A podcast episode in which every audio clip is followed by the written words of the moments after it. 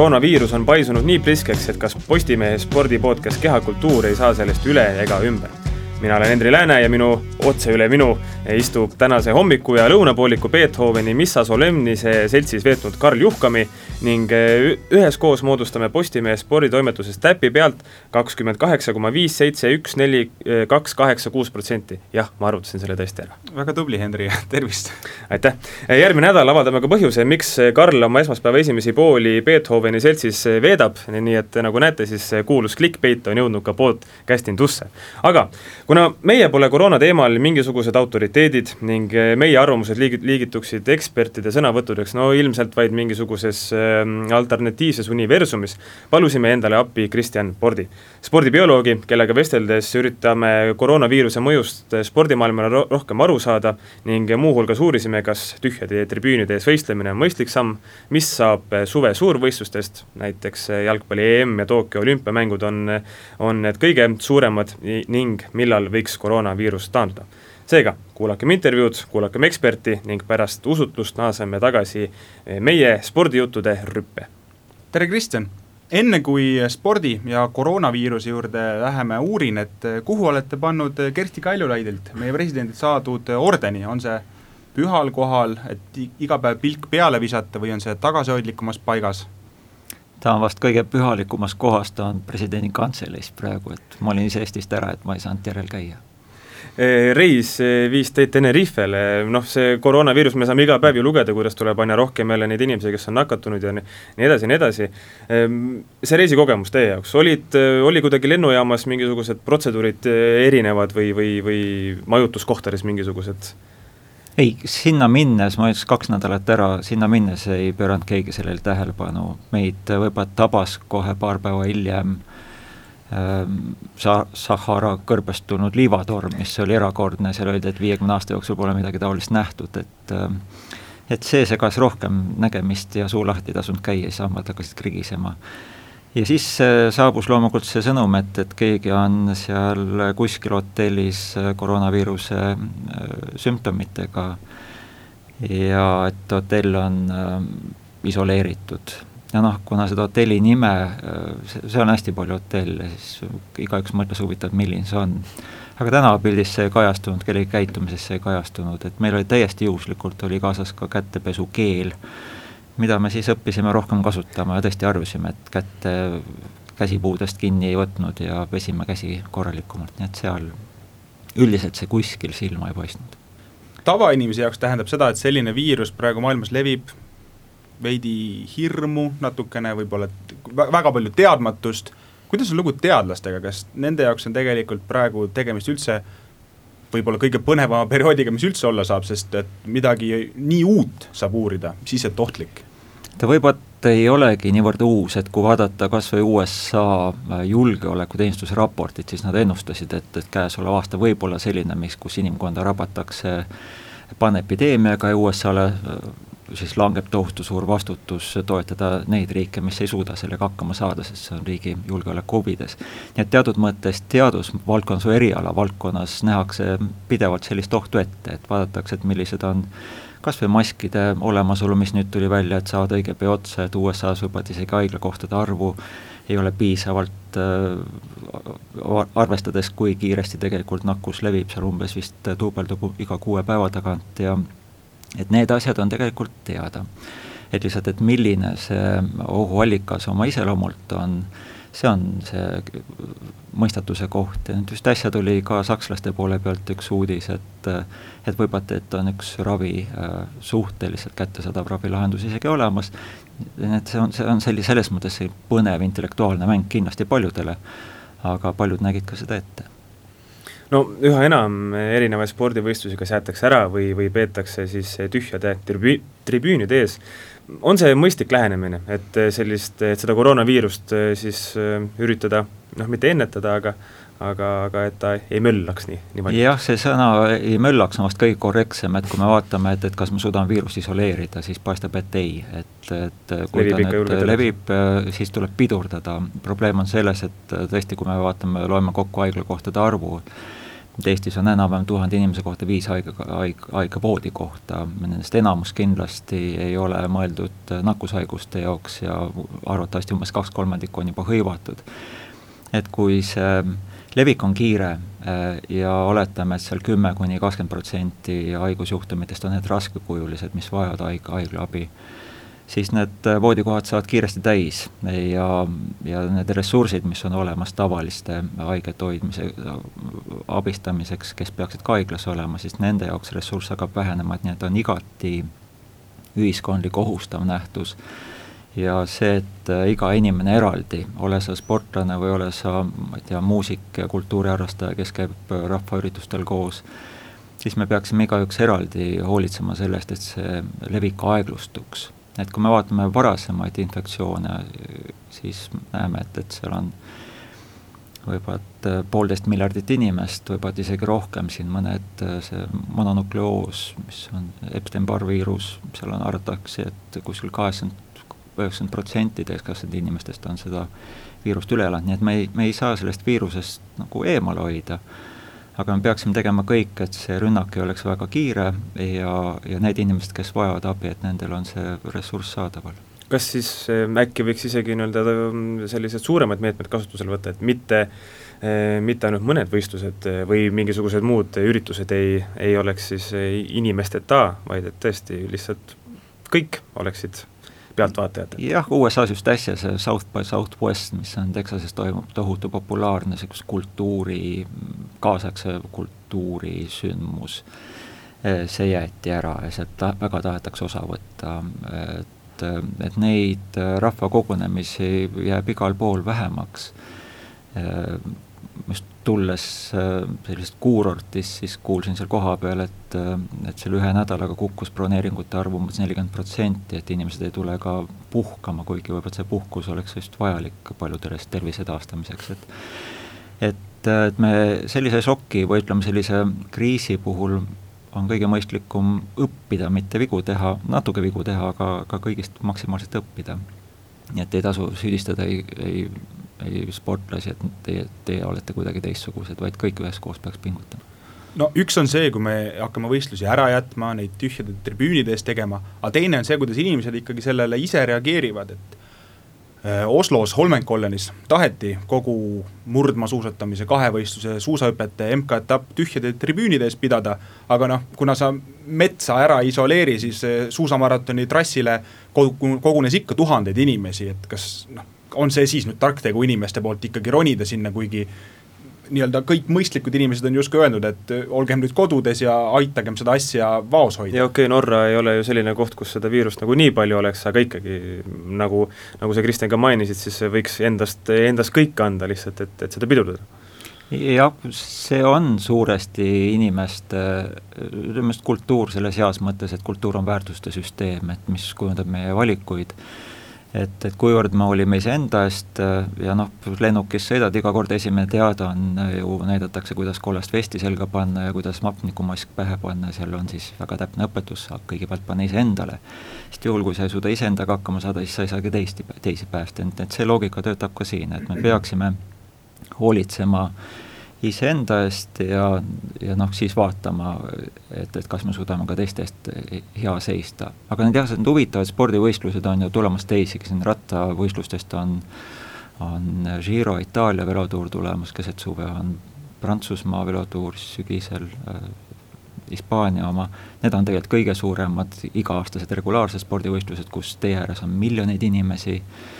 ja just turiste meelitatakse kohale sellega, et, et need üksikud äh, punktsündmused võib-olla ei olegi niivõrd suure mõjuga, et, et sinna, et, et nende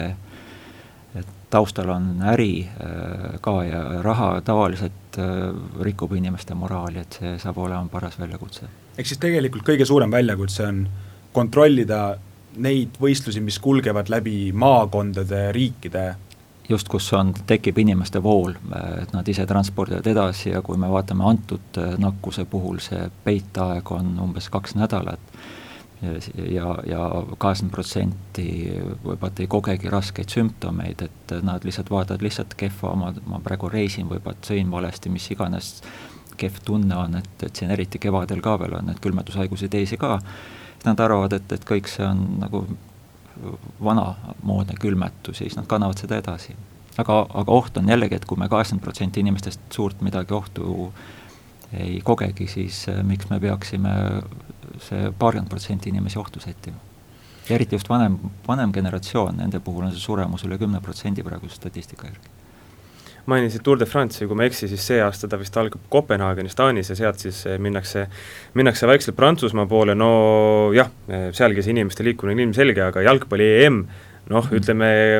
eh, UEFA juhid ikkagist paraja portsu otsa on sattunud, et muidu väga tore idee, et kolmteist linna vist üle Euroopa, kui ma ei eksi, noh, et just aastal kaks tuhat kakskümmend ja nüüd selline viirus on siis, on, on tulekul, et see tundub justkui selline katastroof, mis hüüab väga valjult see saab olema katastroof, aga arvatavasti rohkem majanduslik katastroof teatud ettevõtetele, et kui me mõtleme, et kuidas tänapäeval jalkat vaadatakse, siis ikkagi enamus vaadatakse ekraani kaudu. Ja ja need inimesed saavad endiselt seda jalkat ju nautida, juhul kui need võistlused toimuvad, ma arvan, et võistlusi ära ei jäeta just seetõttu, et see raha et see oleks nii suur majanduslik hoop lihtsalt, et jah, et, et, et selles oleks organiseerijatele, jalgpallile kogu sellele meeleolule ka, et, et lõppude lõpuks me, me ei pea ennast liigselt vangistama haigusohu tõttu, me peaksime ratsionaalselt toimetama. küsin sellise natukene mustema küsimuse ka, et mis peaks juhtuma, et, et korraldajatel endil ei ole enam sõnaõigust selles osas, kas võistlus toimub või mitte, et kas siis peab Maailma Tervishoiuorganisatsioon kuulutamagi välja epideemia mingis piirkonnas ja noh, siis ei olegi kellelgi enam ühtegi valikut või, või kas selliseid stsenaariume üldse on, on reaalne juhtuma? Ma täpselt ei tea, minu teada see Rahvusvahelise Terviseorganisatsiooni epideemia väljakuulutamine ei muuda hetkel mitte midagi, nad on kuulutanud, et see on rahvusvaheliselt tugeva nakkusega olukord ja iga riik peab äh, hea seisma selle eest, aga kui riigi enda valitsus võtab vastu näiteks otsuse, et, et nüüdsest on kõik karantiinis, siis ei ole sul ükskõik mis maa riigi või olümpiakomitee ei ole õigust öelda, et, et ei, aga meil oli staadion reserveeritud selleks ürituseks. et kui Põhja-Itaalia kinni, on kinni, siis Põhja-Itaalia on kinni siis ja sellega ei ole mitte midagi ja, teha. nii on. Ehm, tegelikult äh, selle nagu probleemi teadvustamine võtab minu hinnangul natukene kaua aega, et kui me võtame kas või sportlased, kellel on väga suur autoriteet inimeste seas, kuulutavad seda natukene imelikult välja, et äh, väga halb näide oli, oli NBA staar Lebron, Lebron James, kes põrutas võrdlemisi tigedalt, et kui inimesi tribüünidel ei ole, siis mina ei mängi. noh, samas tema on ju see, kes on väljakul mängijad või nagu inimestest meetreid, meetreid eemal, mitte ei ole seal noh, maakeeli silgub pütis tribüüni peal, kus tegelikult see oht on see kõige suurem, et natukene vastutustundetu kommentaar, arvestades, kui suur mõju on sellistel atleetidel inimestele ma isegi võib-olla jagaksin selle kahte faasi, et, et meil kõigil on esimene reaktsioon on emotsionaalne et Lebron James ei ole äh, vähemalt oma senise käitumise järgi, ta on ju haridust ja kõike toetanud, et ta ei ole äh, hoolimatu, ignorant ega arrogant. aga arvatavasti see esimene reaktsioon, et nüüd äh, nad on ikka harjunud täiesti selle, selle tugeva mürgliga, mis seal ümber käib, see, et kui seda emotsionaalset seina nende ümber ei ole, siis ta tundus võib-olla ennast alasti ja, ja oli pahane aga anna talle nädal aega aega mõtelda, võib-olla arvab juba teisiti. ta lihtsalt võib-olla kõik, kõiki fakte ka ei tea, ta lähtubki emotsioonidest. Noh, ütleme niimoodi, kui jalgpalli EM näiteks äh, peaks ära jääma või siis nende kinniste tribüünides mängima, saame hakkama sellega, ei ole hullu, aga Tokyo olümpiamängud on jällegi selline asi, mis on äh, noh, ta ei ole ainult paljudele sportlastele, vaid ka paljudele siis nii-öelda taustaliikmetele ja pea, pealtvaatajatele ka selline asi, mis võib olla üks kord elus toimuv asi. Ehm, praegu justkui tundub, et, et kui see viirus sellise järgmise, ütleme, paari eh, kuu jooksul kontrolli alla ei saada, siis Tokyo on tegelikult väga suures ohus, okei okay,, sealt eh, olümpia, keegi ametnik rääkis, et lepingu järgi võiksime seda võistlust teha ka aasta lõpus, noh, seda, oleme ausad, seda, seda ei juhtu nagu mitte mingisugusel juhul, et eh, kui optimistlik või, või pessimistlik sa Tokyo suhtes oled? ma jah, väga raske on sellist puhast vastust anda, mis tähendab, et, et see on fifty-fifty, et et et noh, Zika viirus äh, Rio mänge nagu ohustas, aga need mängud ära ei jäänud. Äh, ja, ja samas on siin üksikuid märke sellest, et võib-olla, et see lahendus on kiiremini saabub, võib-olla, et inimesed jäävad veel kiiremini, kui me arvestame tõesti praegu, et et, et varasemalt leviku kiirus on enam duubeldumine kuskil kuue päevaga, Ühendriikides oleks need miljonid inimesed juba märtsi lõpuks, et päris paljud inimesed jäävad haigeks, saavad terveks ka, immuunsus hakkab levima, hakkab tekkima mingi teine äh, elukorraldus ja, ja sellest tulenevalt siis tekib lihtsalt organisatoorne suur koormus, aga ta on tehtav. et ma seetõttu olen tõesti kahe vahel, et et keegi ei taha ilmselt mingi hinna eest seda erakordselt suurt äh, kultuurisündmust ära jätta, äh, ja see peab olema äärmiselt suur risk ja selle riski tunnused praegu ei ole niivõrd tõsised, et me peaksime ütlema, et, et et elu on ainult mustvalge. no ma enne salvestust vaatasin ühte kaarti, mis siis näitab justkui reaalajas, et kui palju neid nakatunuid, surnuid ja nii edasi on,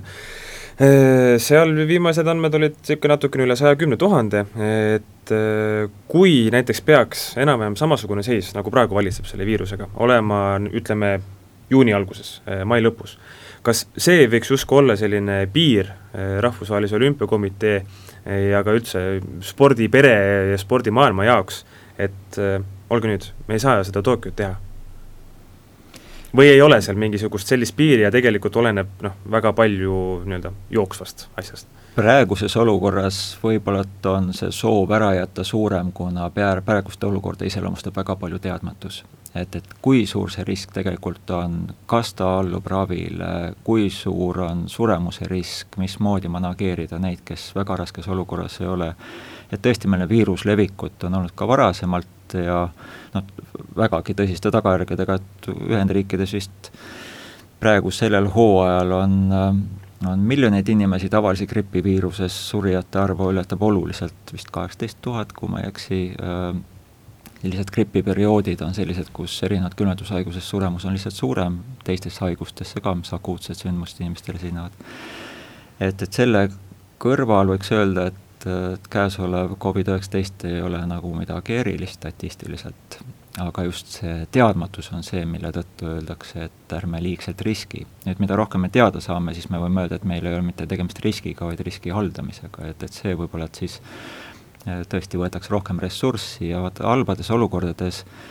need investorid võiks jagada kaheks, osa ütlevad, jookseme ära, kuna me tahame raha kaitsta, aga osa ütlevad, et ei, ei, me just kasutame seda võimalust, seda kehva olukorda enda enda hüvelise poole demonstreerimiseks, olgu need olümpiamänge sponsoreerivad ettevõtted, kes siis aitavad kaasa mingil moel selle inimkonna päästmiseks ja selle, selle ürituse kaitseks. no kui me majandusnumbriteni otsapidi jõudsime, siis äh, Tokyo olümpia ärajäämine tähendaks Jaapanile kuuekümne kuue miljardi euro suurust auku ja see on, mõjutaks üks koma neli protsenti nende SKP-d mistõttu ma ilmselt nad ikkagi otsivad kõiki meetmeid, et neid mänge kuidagi korraldada, isegi kui see on näiteks tühjade tribüünidega. samas, kui me räägime Tokyo olümpiast, kuhu üle maailma sõidavad kohale niigi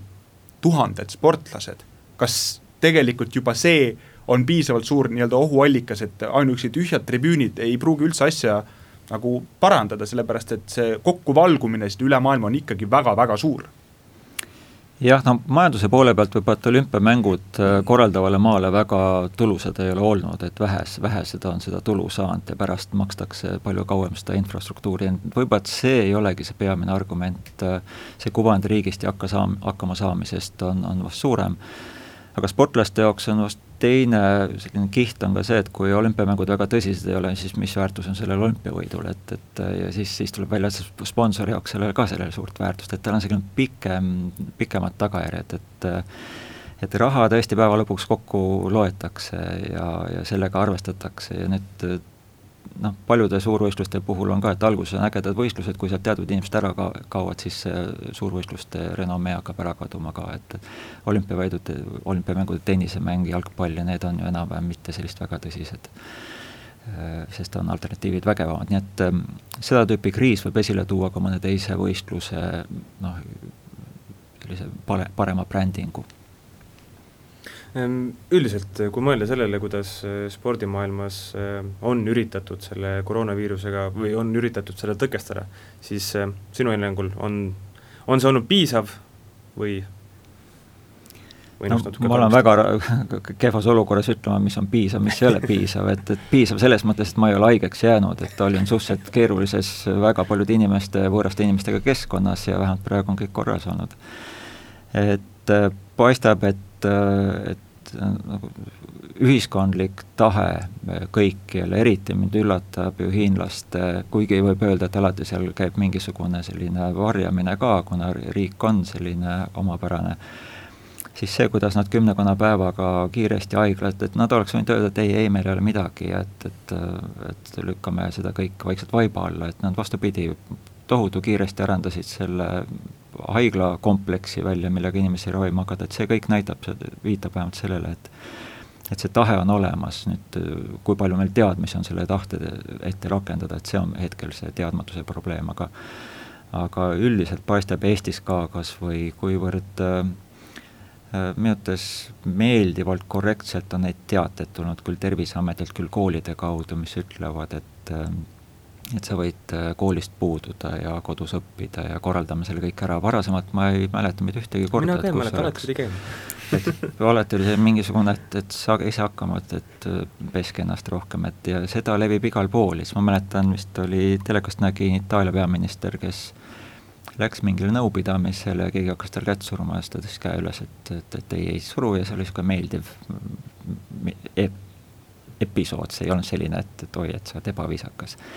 Ja, ja nüüd on tekkinud uus tervitamise viis ka, et, et sa mitte ei tervita kättpidi, võivad küünarnuki pidi, aga siis ka jalgapidi, et, et toksatakse lihtsalt varvad kokku. no et jällegi õppimise koht igas halvas asjas on ikkagist midagi, midagi justkui killukest head. just, et hetkel paistab, et selle hetkel vähemalt hästi mustaks joonitud tondi puhul me oleme kuna kuidagi helgemad inimesed. Küsime sellise lihtsa küsimuse ka, et paraku on praegu tegemist ka niisuguse traditsioonilise gripihooaega Eestis, et see vist kogu sellele koroona tekstile väga kaasa ei aita, arvestades, et tänu, tänu sellele on köhimist rohkem ja siis on kohe muremõtteid ja murepilvi rohkem. Jah, on niisuguseid psühhosomaatilisi haigusi ka, et, et kui, kui rääkida sügelemisest, siis õige pea tunned, et sügelebki kuskilt ja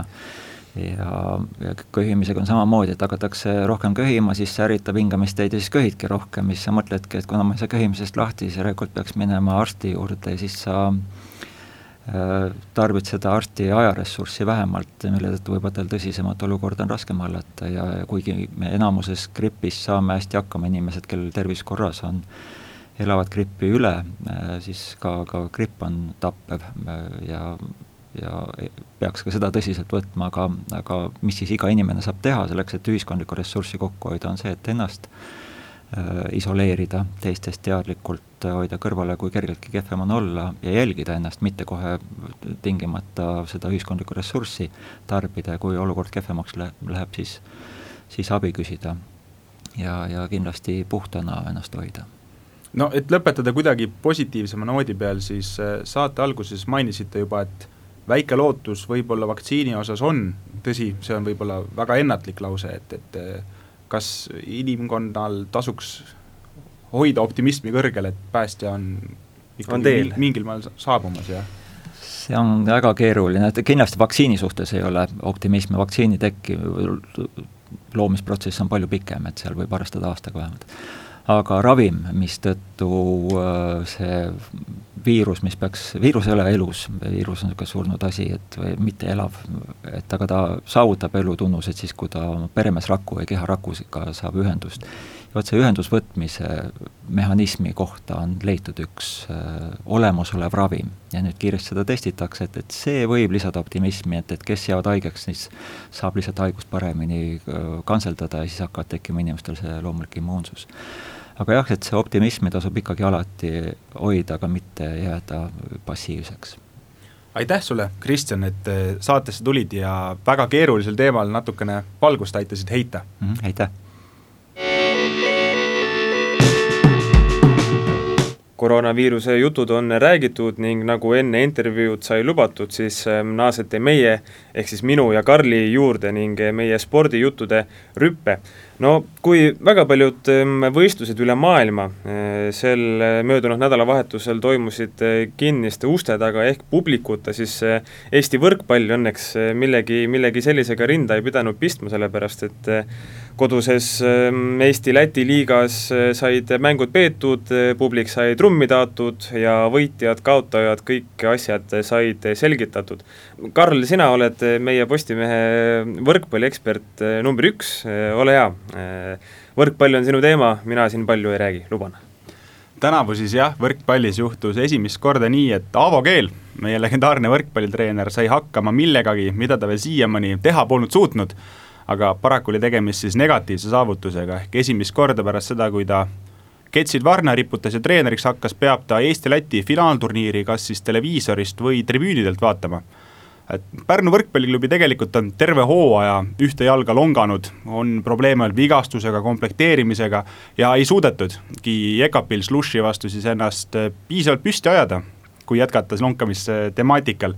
aga müts maha muidugi Aavo, Aavo Keele ees, et ta selle vigastuste ja kõige muu jandi taha vähemalt avalikult ei pugenud, et ütles ikkagi seda ära, et et võttis vastutust veidi endale ja, ja tõi välja ka need mänguaspektid, kus siis ikkagi alla jäädi, et ei olnud see, et ah, täna oleks saanud paremini, et noh, ikkagi oli see, et kui plokis jäädi alla ja kaitsemäng oli kehvem, siis noh, nii oli ja platsil võitis, võitis ikkagi parem. Ehm, keele vanal kamraadil Andrei Ojametsal läks natukene paremini, kuigi ka tema oli väga lähedal et teha enda eelkäija Oliver Lüütsepa saavutust, jutumärkides siis, et äh, kaks aastat tagasi Lüütsepp sai veerandfinaalis ootamatult kinga, või kõigepealt sai kere peale, siis sai kinga, sellises järjekorras siis, ja nüüd äh, Ojametsal ju selg vastu seina oli äh, TalTechi vastu, aga suutsid välja tulla ja eks see kogemustega, noh, kui sul on platsile panna Rait Rikberg ja Gert Toobel, siis äh, noh, ma ei taha nüüd väärtus, alaväärtustada kuidagi Ojametsa juhtimisstiili, aga need mehed ilmselt suudavad ise ka ennast kokku võtta õigel hetkel. ja nagu TalTechi mängija Aleksander Eermagi ütles, et kui meie hakkame omavahel haukuma, siis me lagunemegi, ehk siis TalTech nii-öelda aitas selle enesehävitusprotsessile kaasa, aga kui nüüd vaadata ettepoole veidi, ehk siis nüüd sel nädalavahetusel medalid välja mängitakse Kuressaares ja noh, Saaremaa on paigutanud finaali niikuinii, Jekapils neile vastu ei saa aga see teine poolfinaal Tartu ja Selveri vahel saab olema väga-väga huvitav, sest äh, on päris reaalne variant minu hinnangul, et äh, me ei pruugi näha karikafinaali kordust, ehk siis Tartul saab olema väga huvitav ja ennekõike seepärast, et siin ei ole tegemist ju seeriaga, see on winner takes it all, nagu kõige lihtsamas keeles saab öelda, ehk üks mäng, üks halb päev, üks hea päev ja, ja ongi Selver, Selver uuesti finaalis. Äh, enne kui läheme järgmise teema juurde, mainime ära ka selle, et äh, Balti liiga tšempion naiste võrkpallis ju ka krooniti nädalavahetusel.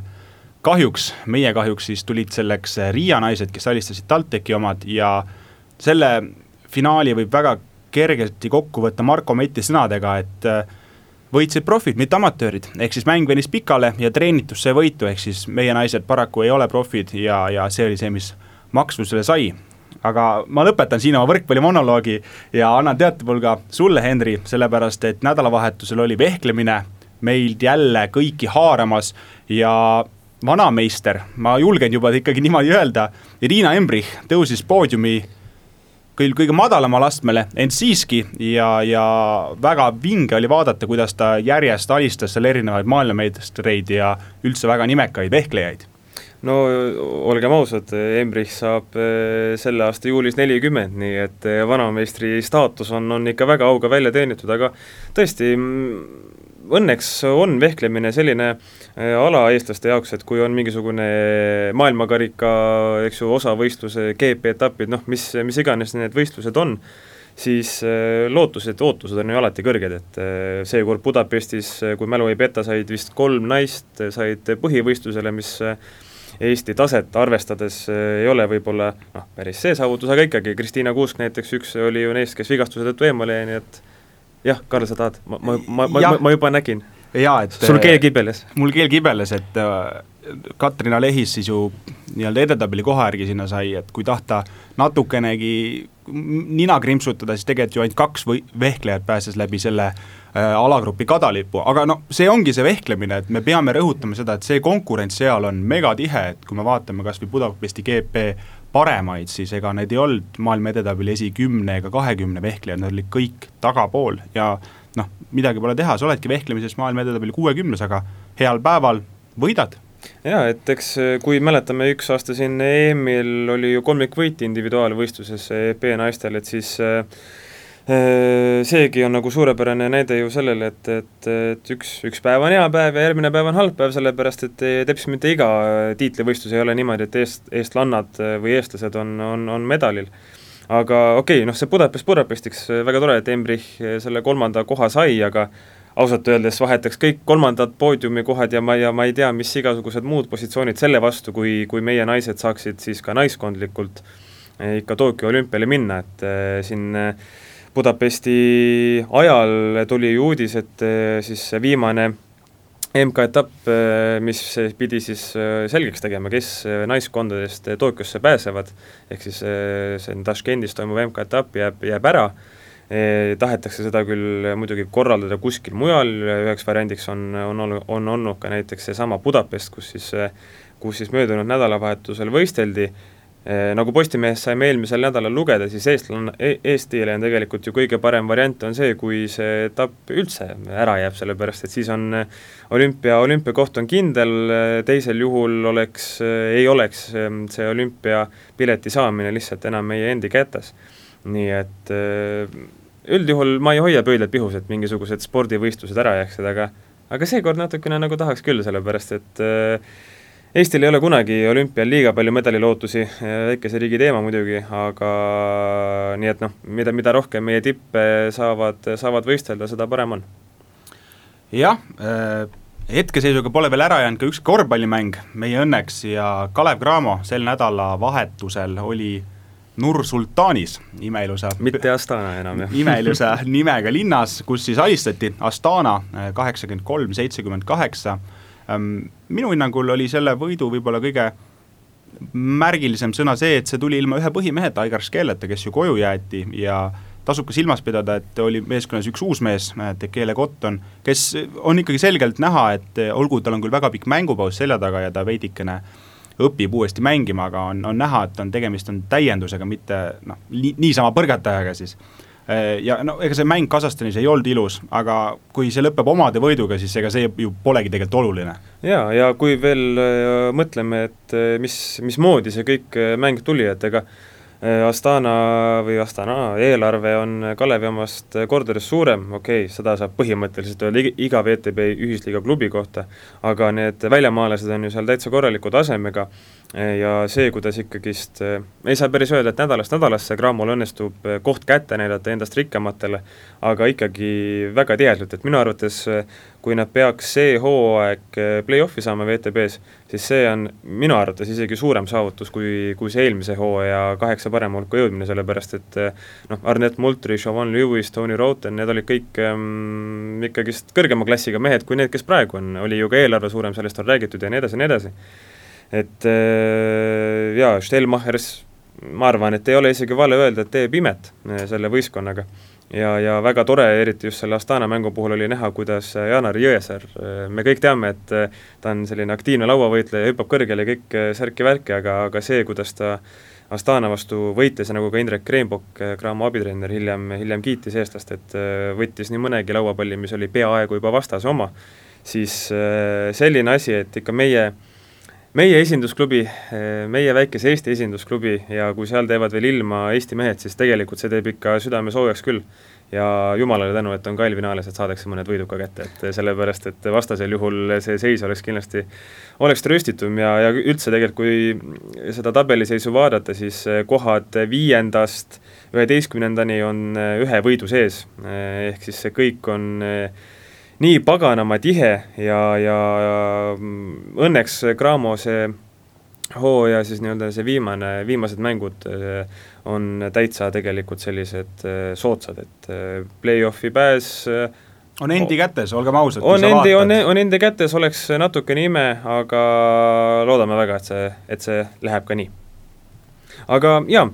noh, kui korvpallist räägime, ega me siis ei saa ju jalgpalli kuidagi kõrvale jätta, need kaks ala Eestis pahatihti käsikäes käivad ning nädalavahetusel koduse jalgpallihooaja noh, jalgpalliliiga hooaja siis avab auk, sellepärast et superkarikas ju mängiti siis üle-eelmisel nädalavahetusel juba, aga Premium-liiga alguse sai ja ütleme, kõik suured võtsid oma, võitsid Flora, võitis Levadia, võitis Kalju, võitis Paide ja ausalt öeldes nendest võitudest no minu jaoks vähemalt jääb meelde ainult üks, et eh, okei okay,, Paide mängis, eh, mängis Tallinna Kaleviga, kes noh, võib-olla, no mitte võib-olla, vaid kindlasti võitlebki siis selle nimel, et et, et, et püsima jääda, aga kaheksa-üks säru teha, no see oli muljetavaldav. praegu tahaks seda traditsioonilist ülereageerimist teha, et see on olnud ainult üks Paide mäng, see on ainult, see on olnud ainult üks Slava mäng, koondise peatreeneriks jah, et äh, midagi pole teha, kui sa ikkagi sellise avalduse kohe esimeses voorus letti lööd. ega tegelikult ju ei ole, ei ole see Tallinna Kalev ka niisama muidu meeskond, et eelmisel hooajal, olgu noh, Kaljul oligi kehvem hooaeg eelmine aasta, aga, aga nägi näiteks Kalju ju kahel korral ränka vaeva, et Kalevi vastu üldse midagi kätte saada. ja nüüd siis Paide noh, tegi väljakul, mis tahtis. eriti, kui sa arvestad seda, paned konteksti, mida tegid äh, Kalju ja, ja Levadia väljakul, nende mängupildid ei olnud üldse ilusad, kui kasutada kõige lihtsamat väljendut, et äh, treeneridki Marko Kristel ja Martin Reim vastavalt ju nentisid, et jah, rabedust oli väga palju, aga on hea siia ehitada, ehitama hakata, no aga vaata, mille peal Paide peab ehitama hakkama, on ju. aga saab olema näha, et alles viiendas voorus tuleb Paidele esimene suurem proovikivi, kus Florale, Floraga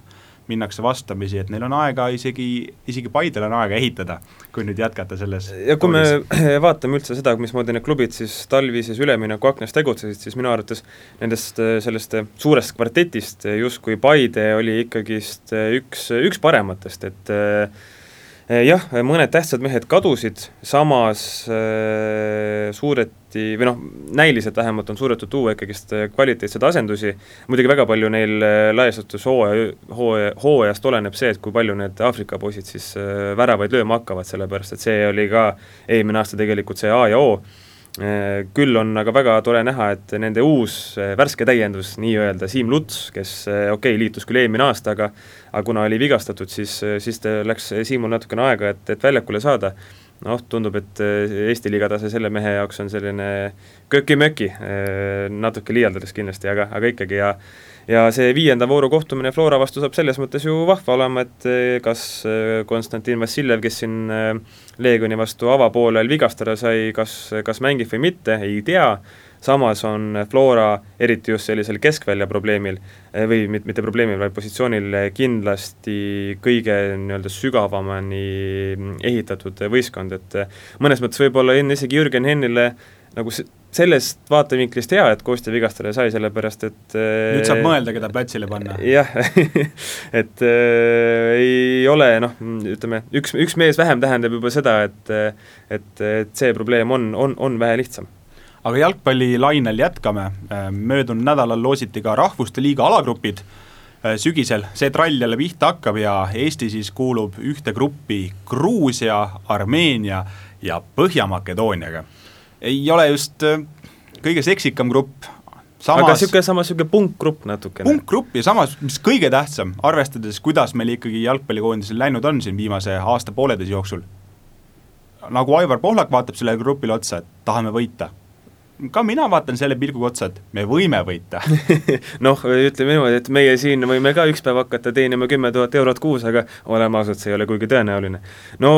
minule jäi silma üks Karel Voolaid ehk siis Eesti koondise peatreeneri tsitaat, et me ei taha leppida, et oleme outsiderid, kõik alustavad puhtalt lehelt. ei, väga õige, ma ju ei üritagi sellele vastu vaielda, aga vaatame Eesti tulemusi viimastel aegadel,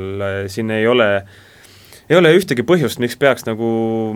lootma, mõtlema milleski, ei ole midagi, millest kinni hakata, et äh, me võiksime kuidagi siis äh, sellest äh, kvartetist kõige paremaks osutuda või et isegi, ma ütleks isegi niimoodi, et, et kedagi üldse edestada. et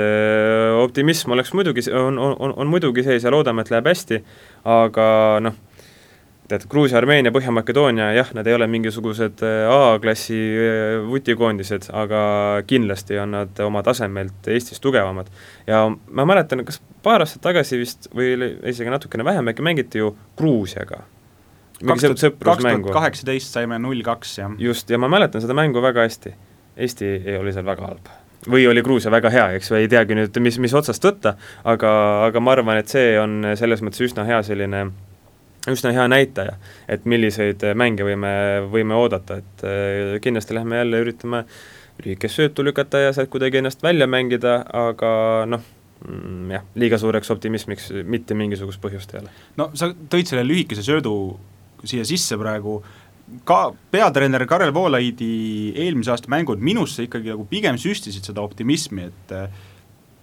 ma ei ütleks enam seda, et vanasti oli see, et, et Eesti jalgpallikoondis midagi teeks, meil oli vaja Koosti imemängu või mingit muud taevast abi. praegu mul ei ole seda tunnet, aga noh, fakt on ka see, et ega keskpärase mänguga me selles grupis ei saavuta mitte midagi ja noh,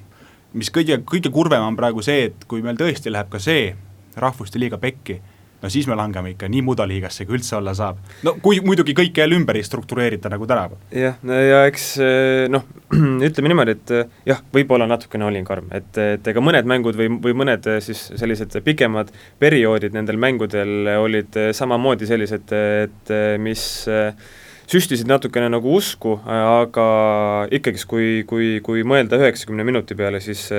siis minu jaoks mitte piisavalt, pluss Eesti ikkagi suurim probleem on see, et on vaja väravat lüüa, aga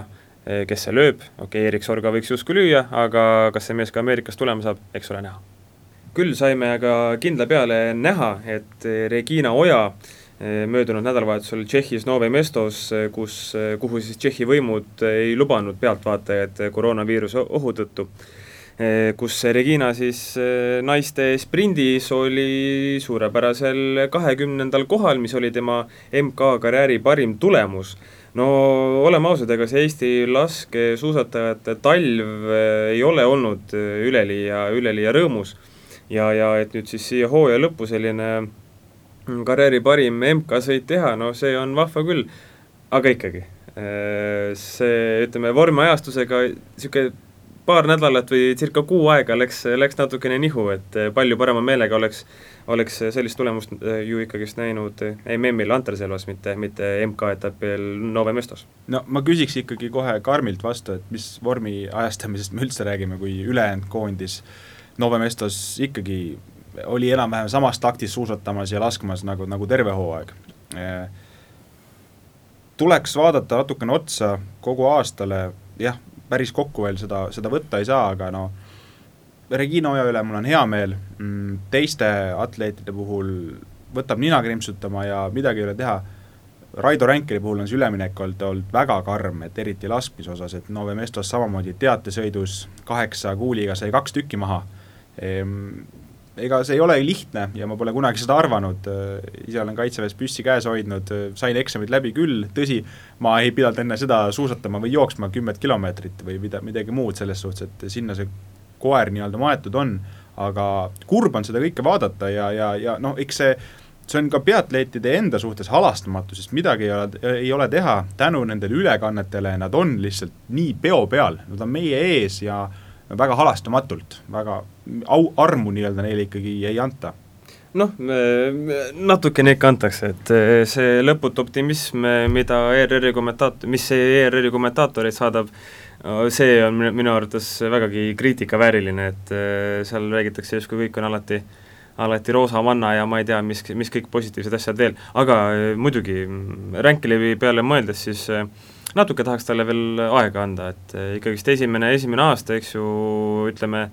oleks rumal teha selliseid põhjapanevaid järeldusi ja, ja ma olen ka kindel, et seda laskesuusatamise treenerid, noh, ma mõtlen koondise treenerid ja, ja ka Ränkel ise ei tee, et äh, vaevalt ta nüüd siin millal, millalgi kevadel ütleb, et ah, ei tule siit midagi välja, et äh, viskan, viskan püssi põõsasse ja suusad ka ja lähen tootvale tööle, nii nagu anonüümsed kommentaatorid on juba viimased kümme aastat soovitanud et äh, loodetavasti midagi sellist ei ole, sellepärast et äh, noh, loota võib ju ikka, ega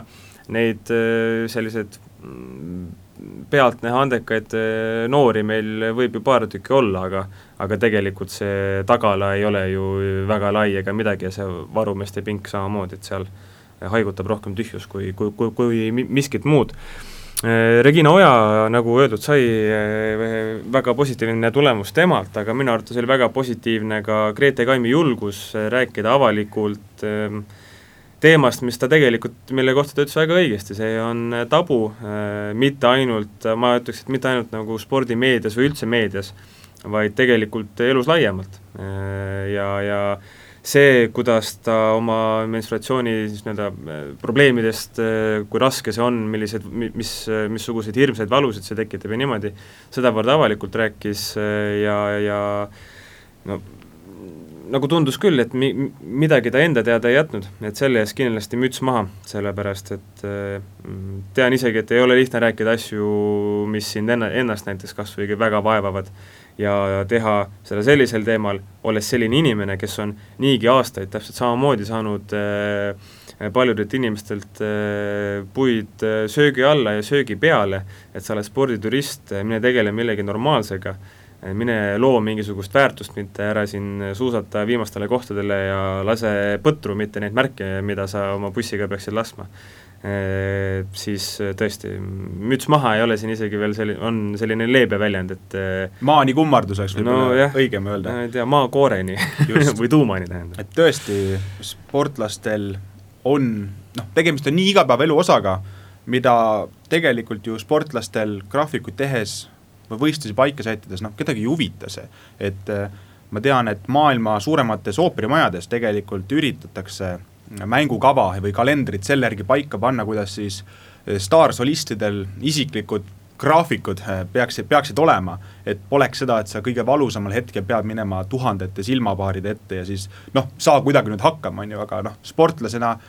graafik kinnitatakse mingil üldkogul, kus eh, pintsaku siis härrasmehed panevad need allkirjad, on ju, ja, ja siis mine võistle ja noh, pehmelt öeldes pane kirikusse paar küünalt, et, et sinu nii-öelda graafik lubab enam-vähem seda teha, et vist hea näide oli ka äh, Saskia Alusalu kommentaar pärast äh, kiirusütlemise MM-i, kus ta ütles ausalt, et noh, eelkõige olen ma ikkagi naine ja alles seejärel sportlane, et, et äh, midagi, midagi ei ole teha, nii on. ja tegelikult on teema, millest tuleks rääkida ja, ja noh, siin on muidugi see küsimus, et kes see julge siis on, et selles mõttes Kaim Kaim astus, astus lavale, mis ja noh, üpriski kiiresti selline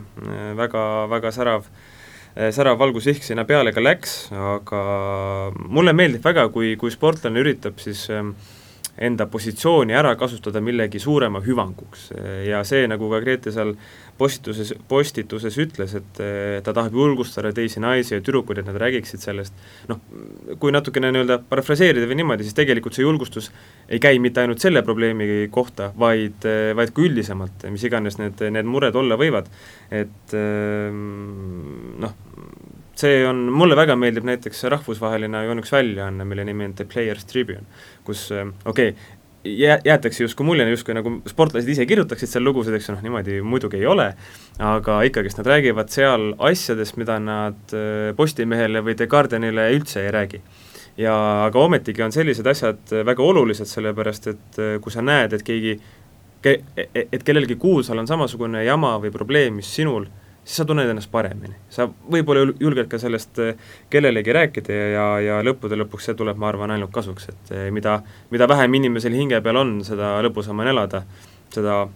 seda raskem on koroonaviirusel sulle pähe tungida ja, ja öelda, et ahahah, ma varsti tulen, aga väga hea. aga eh, jätame selle laskesuusatamise sinna, küll aga jääme talialade peale ja eelviimase teemana Äh, räägime kahevõistluse MK-hooajast, mis siis oleks küll pidanud tegelikult lõppema natukene hiljem, siin sellel nädalavahetusel, mis tuleb,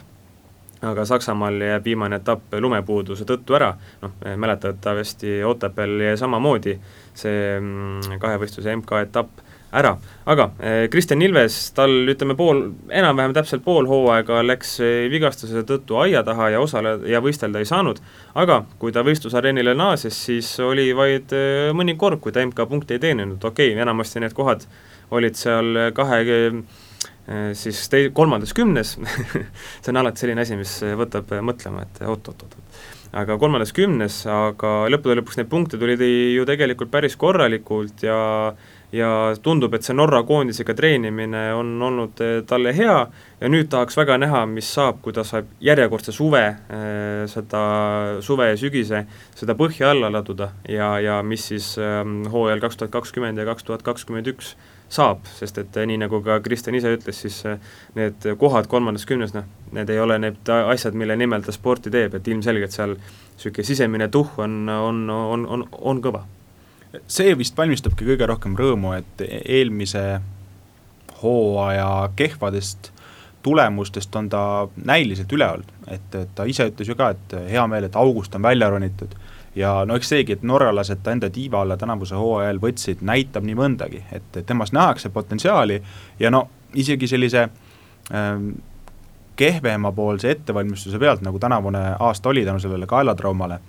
kus ta väga tähtsal perioodil ei saanud ju hüppamisega üldse tegeleda, kokku kaheksal võistlusel punkti kohale, parimad tulemused siis seitseteist ja kaheksateist, noh, kui paneme selle nagu üldse Eesti talispordi konteksti, siis äh, fantastiline. täpselt. Eesti parim Eesti parim on ju kindlalt, et äh, tegelikult tasub lootusrik-, lootusrikkalt kiigata siis Ilvese järgmisesse aastasse ja jumala eest ärme kasuta, selles suhtes ma ki-, kirjutan alla Mart Reieli, see oli vist kahe aasta tagusele kommentaarile, et vabandust, aga mis kuradi olümpialootus, et mi-, midagi selliseid surve ma talle peale ei pane, aga ma tõesti huviga, huviga ootan, kuhu ta võib areneda, kui ta saab korralikult põhja laduda väga tugevate ka-, kamraadidega koos kõige tugevamate kamraadidega, oleme ausad. jah, täpselt, olgem ausad, et, et selles suhtes, et kõik tingimused on loodud ja nüüd vaatame, kuhu need tiivad kannavad seal hüppemäel. ja kui mõtleme tiivad hüppemäel ja siis eh, raketid suusarajal, eh, aga kui mõtleme ka selle peale, et viimase kahe MK-etapi siis hüppemäe eelvõistlusel ta oli, esimesel oli neljas ja nüüd siin möödunud nädalavahetusel Oslos oli teine suisa kaotades vaid Jarl Magnus Riiberile endale, siis äh, seegi on tegelikult ju väga hea märk, et okei okay,, lõppude lõpuks noh, nende tulemustega ei ole midagi teha, need ei läinud käiku, aga see annab, ma arvan, ikkagist väga hästi äh, aimu, et milline, milline sportlane on, on Kristjani sees, et sellised ta ju tuli areenile, me tead-, me kõik justkui vaatasime teda kui suurepärast hüppajat, okei okay,, enam need hüppetulemused nagunii ekstraklassist ei paista olevat, aga samas need eelvõistluste mõned tulemused näitavad, et temas on see tegelikult sees olemas. ja, ja, ja noh, usume, usume Kristjanit ennast, et suusarajal on samamoodi see vorm tegelikult äh, on läinud siiapoole ja hoian äh, kahe käepöidlaid püsti. ja saatele tõmbame joone alla ikkagi talispordi teemadega, sel nädalavahetusel sõideti Holmenkolleni kuulus ja legendaarne ja pikkade traditsioonidega suusamaraton, võidud ei jäänud Norra, läksid hoopis äh, Rootsimaale ja Venemaale, eks Frida Karlsson ja Aleksandr Boltšanov vastavalt ühe koma kahe ja null koma üheksa sekundiga, täiesti enneolematud või tähendab, olematud siis äh, vahed viiekümne kilomeetri ja kolmekümne kilomeetri distantsi peale, aga tänavu need toimusid, nüüd on tekkinud küsimus, kas Holmenkolleni suusamaraton edaspidi toimub, sest äh, väike trall on hakanud selle pihta, et kas nii pikki distantse esiteks on vaja, sest seal inimesed ei taha peale minna ja liiga palju norrakaid on kõik on valesti, ühesõnaga. no aga norralased ongi ju kõikides murdmaasuusatamise jamades süüdi e,. nali naljaks, aga tegelikult üsna nii ka on, eriti kui me ka vaatame seda, mida räägivad e, teised e, sõitjad, et Dario Colonial äh, Šveitsi nelja, neljakordne olümpiavõitja, no temagi ütles ju väga hästi, et, et peaks vaatama tegelikult äh, laskesuusatamise mudeli peale, et kuidas seal rahvusvaheline, rahvusvaheline alaliit teeb väiksemate riikidega palju koostööd ja, ja aitab neid palju, noh, ja kui me vaatame laskesuusatamist, et noh, sa näed võib-olla näed seal Jakov Fakk ja, ja Slovakid ja nii edasi, noh et neid riike tegelikult, kes justkui võistlevad äh, võistlevad nende kõrgete kohtade nimel, on tegemist indi-, individuaalse või siis võistkondliku võistlusega, on oluliselt rohkem. Eh, sama ütles ka üks eh, Soome sprinter, kelle nimi mul praegu ei ole meeles, aga, aga, aga põhimõte on igati õige. ja, ja küll ütleme seda, et see väide või arvamus, et et viiskümmend kilomeetrit või need maratonidistantsid on justkui liiga pikad, sõitku seenele, need on kõige huvitavamad üldse. ma ei viitsi seda sprinti vaadata, kus nigu, niikuinii see Kläbo võidab Eh, niikuinii see Linn Svan võidab. Eh, minu elu üks vahvamaid äh, mälestusi suusavõistluselt ongi, kas ma ei mäleta, kas see oli äkki Valdifi MS mingisugune kaks tuhat kolmteist, midagi sellist, kus oli üks rootslane, see oli Juhan Uulson oli ta nimi vist, kes sõitis umbes, ma ei tea, viiendal kilomeetril või kuskil väga alguses igatahes, oli ka klassikamaraton, sõitis eest ära ja jäigi ja mina jõudsin sel ajal, jõudsin natukene tukkuda vahepeal isegi niimoodi ja ikka oli see sama mees ees, aga maraton lihtsalt, ta pakub alati justkui sellist ähm, noh, midagi eriskummalist. nii, nii või naa, neid maratone on vähe äh, ja, ja noh, isegi kui te tahate nüüd seda kõige legendaarsemat ära võtke, siis no tõesti ei, palun ei kui Holmenkolleni tuleviku osas äh, rikub äh, hetkel küsimärk, siis kindel on see, et järgmisel nädalal Kehakultuuri uus saade eetris on ja kindel on ka see, et nädalavahetusel sõidetakse rallit, nii et need kaks asja järgmisel nädalal kokku omavahel saavad siin saates. mina olin Karl Juhkami